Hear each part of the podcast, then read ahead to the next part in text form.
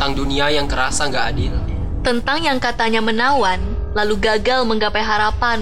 tentang ekspektasi tinggi yang seakan hanya menjadi mimpi untuk selamanya, Tentang putus asa, yang seakan bilang, usaha selama ini jahat. tentang penghargaan yang seolah selalu dituntut Jadi, ini cerita gagal yang diambil hikmahnya. Atau mungkin cerita yang perlu dibumbui motivasi. Lebih dari itu. Di ruang hampa asa.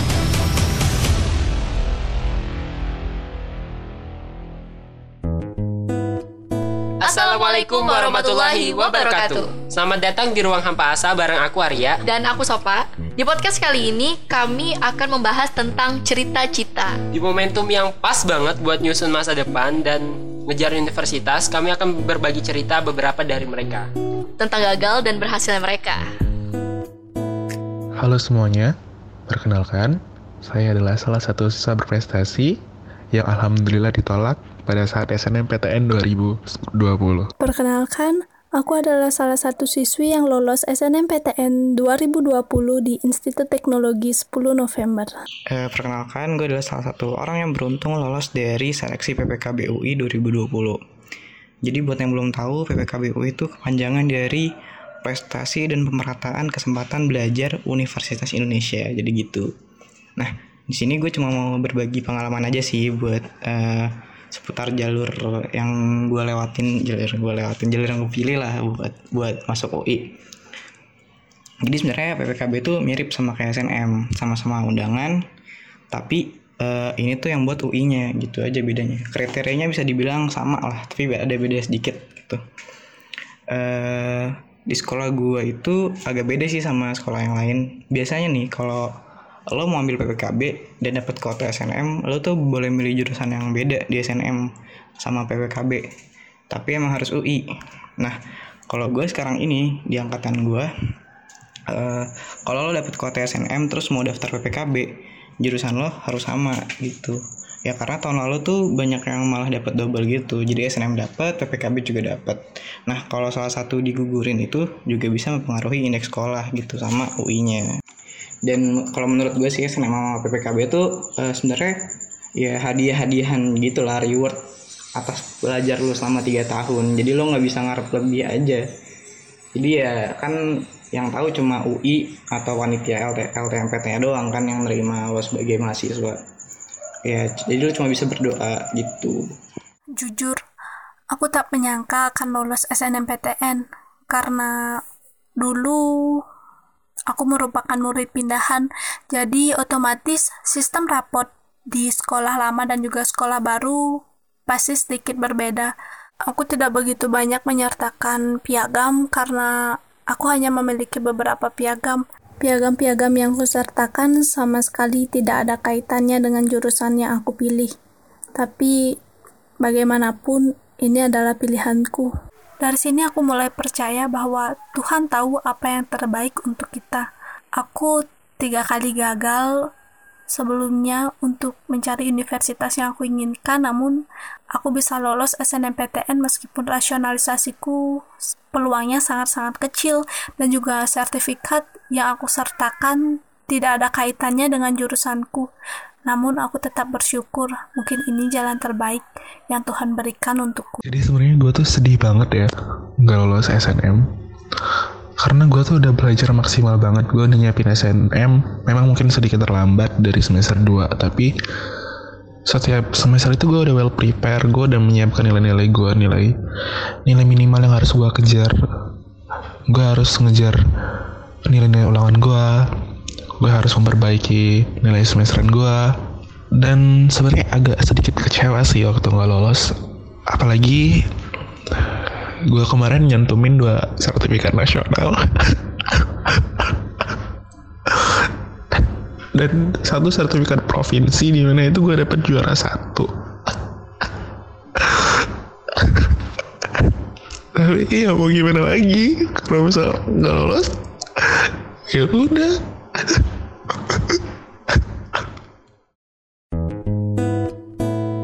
juga sih dengerin cerita mereka, tapi intinya kan mereka cuma kayak ngebahas ya gagal dan berhasil tentang cita-cita sama mimpi mereka kan. Iya benar-benar. Eh, kayaknya sebelum kita lebih jauh lagi nih kayak lebih baik kita samakan dulu perspektif kita deh tentang cita-cita dan juga mimpi serta takdir Kalau Ya menurutku nggak? nih cita-cita tuh apa sih? Oke, cita-cita itu adalah hal yang secara rasional bisa kita raih.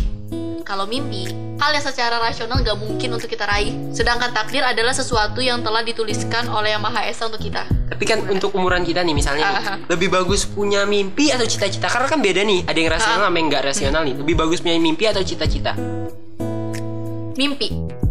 Kenapa mimpi? Karena mimpi itu akan bisa menjadi cita-cita.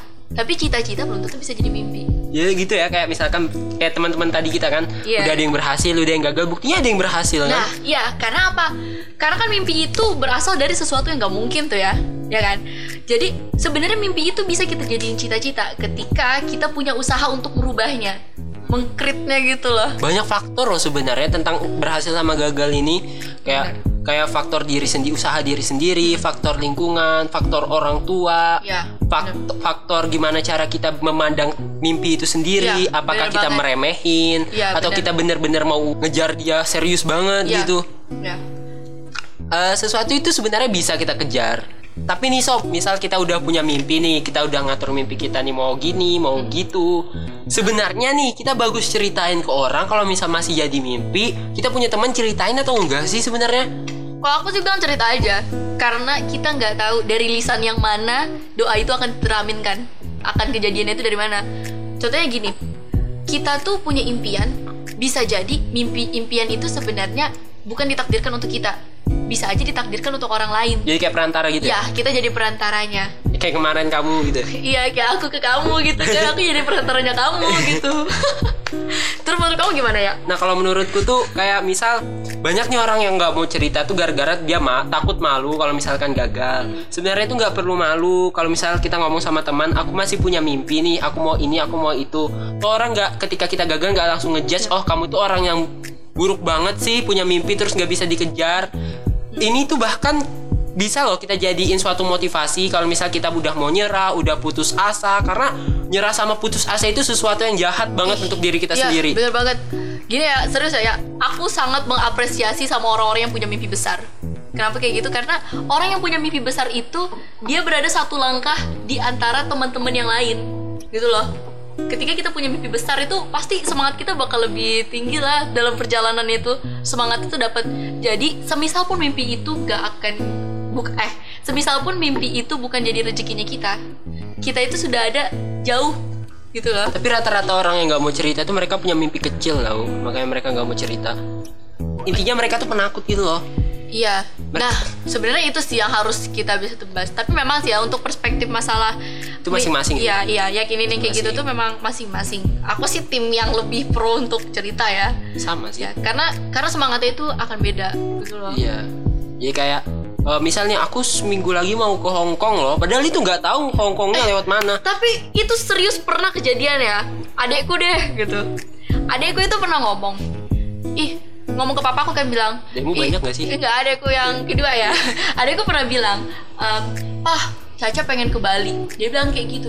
Yang nggak tahunya seminggu kemudian dia dapat panggilan dari forum anak untuk tugas ke Bali. Seriusan. Itu kan kita nggak tahu kan dari lisan yang mana sebenarnya. Tapi Caca cerita sama bapakmu kan Iya, Cerita, Caca kan? tuh cerita sama papaku dan papaku ngaminkan dong di situ. Terus contohnya gini, kayak aku nih, aku tuh dari SD punya cita-cita pengen kuliah di Al Azhar. Pokoknya Al Azhar aja selalu aku ngomongin setiap hari. Aku tuh pengen kuliah di Al Azhar dan aku pengen jadi ketua osis. Itu yang selalu aku ngomongin dari SD. Dan rezekinya Di MTS Ya, di MTS aku dikasih kesempatan untuk jadi ketua OSIS. Walaupun sebelumnya aku nggak tahu sebenarnya ketua OSIS itu apa gitu. Cuma asal ngebut aja. Dan itu, aku tuh percaya banget sama kekuatan dari perkataan. Karena aku sudah pernah ngalamin itu. Sebenarnya sih itu sih. Nah, kayak gini, aku punya impian untuk ke Al Azhar. Tapi mungkin sekarang belum jalan ya kan kayak gitu entah itu akan tercapai atau enggak tapi aku ngerasa banget karena aku punya impian Al Azhar aku tuh sekarang ada di sini gitu loh di titik ini gak nyangka lah kalau aku tuh bisa bisa sekolah di Mandua bisa masuk MAPK bisa kenal sama temen-temen hebat kayak kamu deh contohnya kayak gitu. Ya intinya walaupun goals tujuan kita nggak tercapai ada proses yang kemudian bisa seenggaknya bisa membawa kita ke jalan itulah iya intinya. yang pe- yang berharga itu sebenarnya has eh, prosesnya dari bukan daripada hasilnya sih.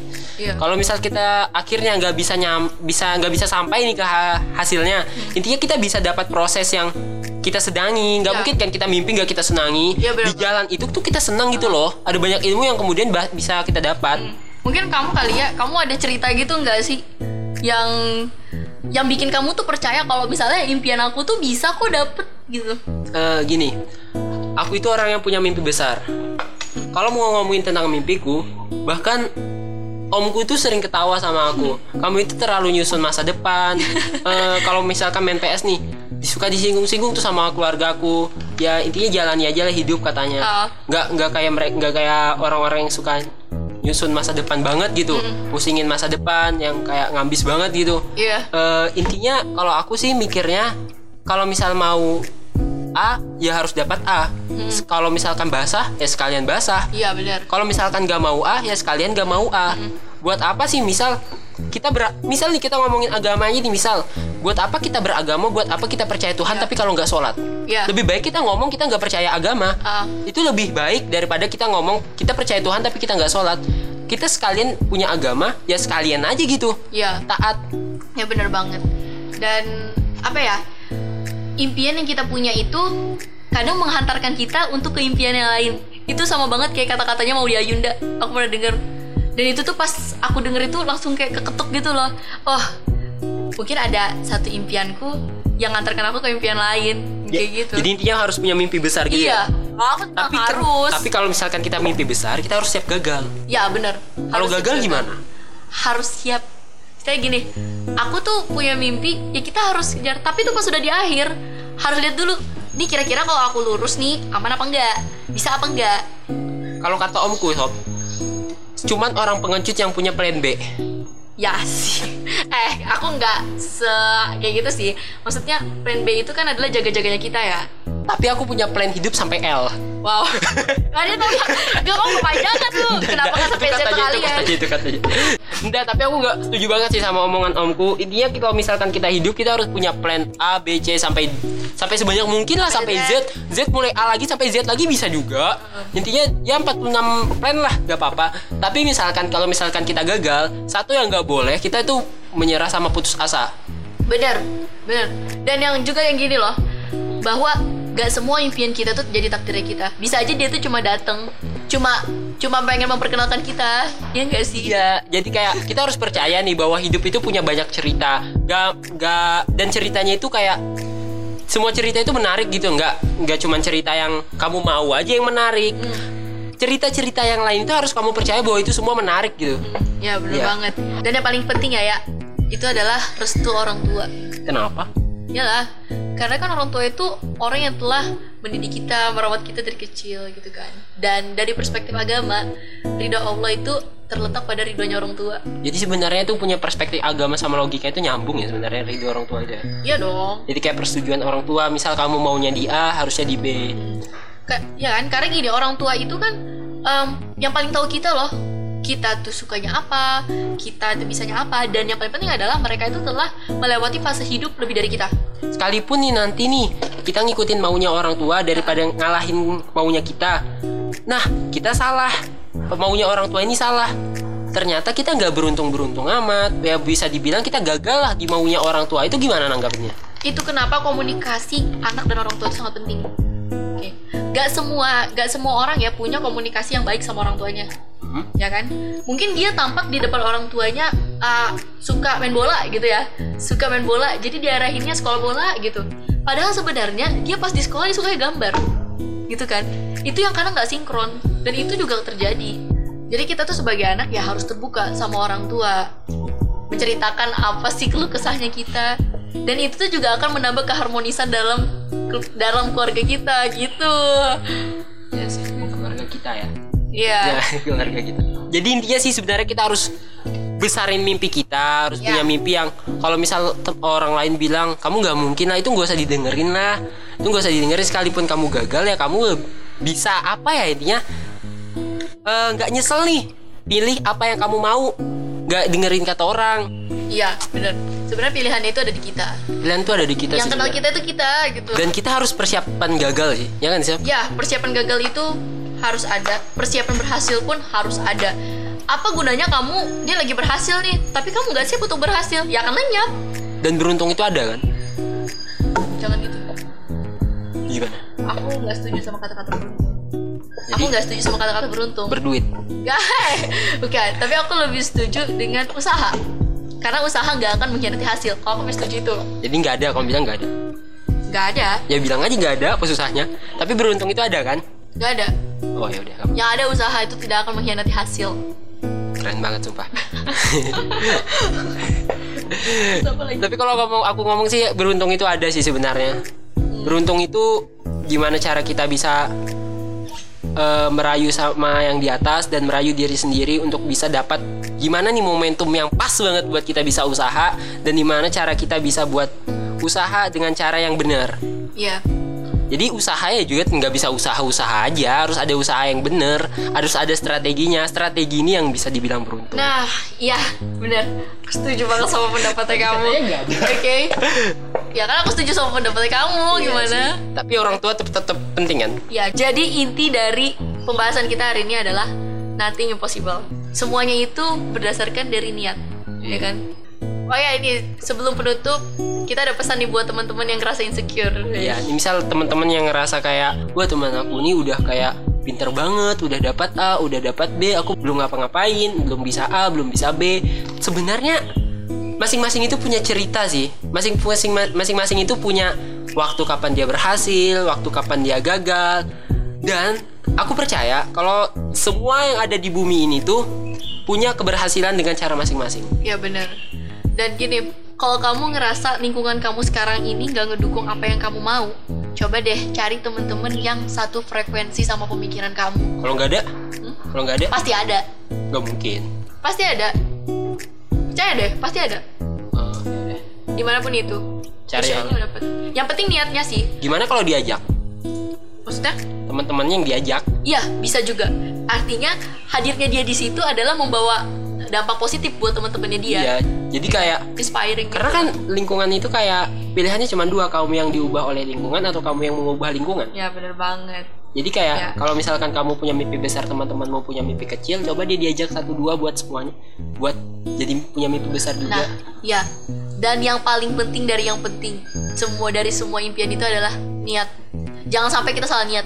Jadi harus nawa itu dulu. Ya. Enggak juga. Iya, niatnya harus Eh, ya itu Eh, di dalam iya. hati. Iya, Harus nawa niatnya itu. harus dalam hati. Iya. Oh, eh, niatnya tuh harus lurus bener-bener gitu loh. Jangan Tekad sih sebenarnya. Ya, tekad, Iya. tekad. Jangan sampai ngerasa aku orang yang paling oke daripada yang lain. Itu bisa ngerubah takdir juga loh. Kayak sobat. ya udah ya. Udah. Jadi pada intinya adalah gak ada yang gak mungkin. Emang nggak ada? Gak ada. Yang ada Mungkin, ya kan? Tinggal caranya kita aja jemput si mungkin ini gimana sih? semangat, kita. kita.